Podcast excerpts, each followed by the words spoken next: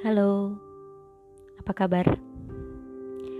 Semoga meski riuh bising jalan, kalian tetap bahagia. Untuk bertemu denganmu, memang perlu perjuangan, atau tak seharusnya diri berjuang. Entah, aku tak pernah paham jawabnya. Selain jarak antar kota yang memisahkan kita,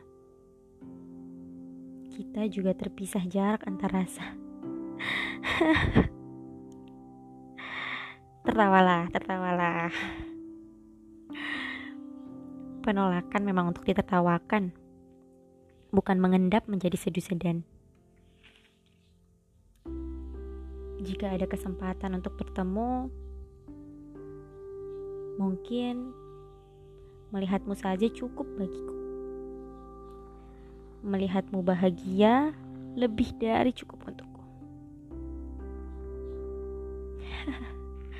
Hati-hati. Lihat, logika terbahak menertawakan kebodohanmu. Ah, diam kau logika. Kamu tidak tahu kan bagaimana rasanya ingin bertanya kabar, ingin mendengar cerita, senang, sedih, takut dan kecewanya. Tapi untuk mengungkap tanya saja penuh keraguan. Siapa aku berhak bertanya? Hmm. Pada akhirnya, kamu memang hanya akan menjadi objek cerita. Itu saja. Cerita tentang hati yang tak pernah sampai ya memang begitu saja. Lalu, apakah kita masih bisa bertemu? Apakah masih ada sayang untukku? Ah, pertanyaan macam apa itu? Entahlah, lupakan. Setidaknya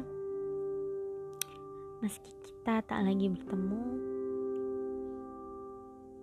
izinkan aku untuk tetap bisa menuliskan. Ya, aku selalu bersemangat merakai kata tentangmu. Kamu tahu kenapa? Karena hanya dengan tulisan, hati dan akal bisa berdamai dalam kecamuknya. Ya, tulisan acap kali menyadarkanku akan kebodohan yang aku lakukan meski efeknya tentangmu akan menjadi abadi. ah iya, katamu aku tak punya hati. Cukup terbuka dengan beberapa teman lelaki. Kamu tahu seberapa inginku mengunci hati pada seorang yang patut dimiliki. Tapi sosok itu memang belum hadir. Menjadi tanya di setiap perkara. Bisakah? Setidaknya aku terjatuh pada dia yang tepat.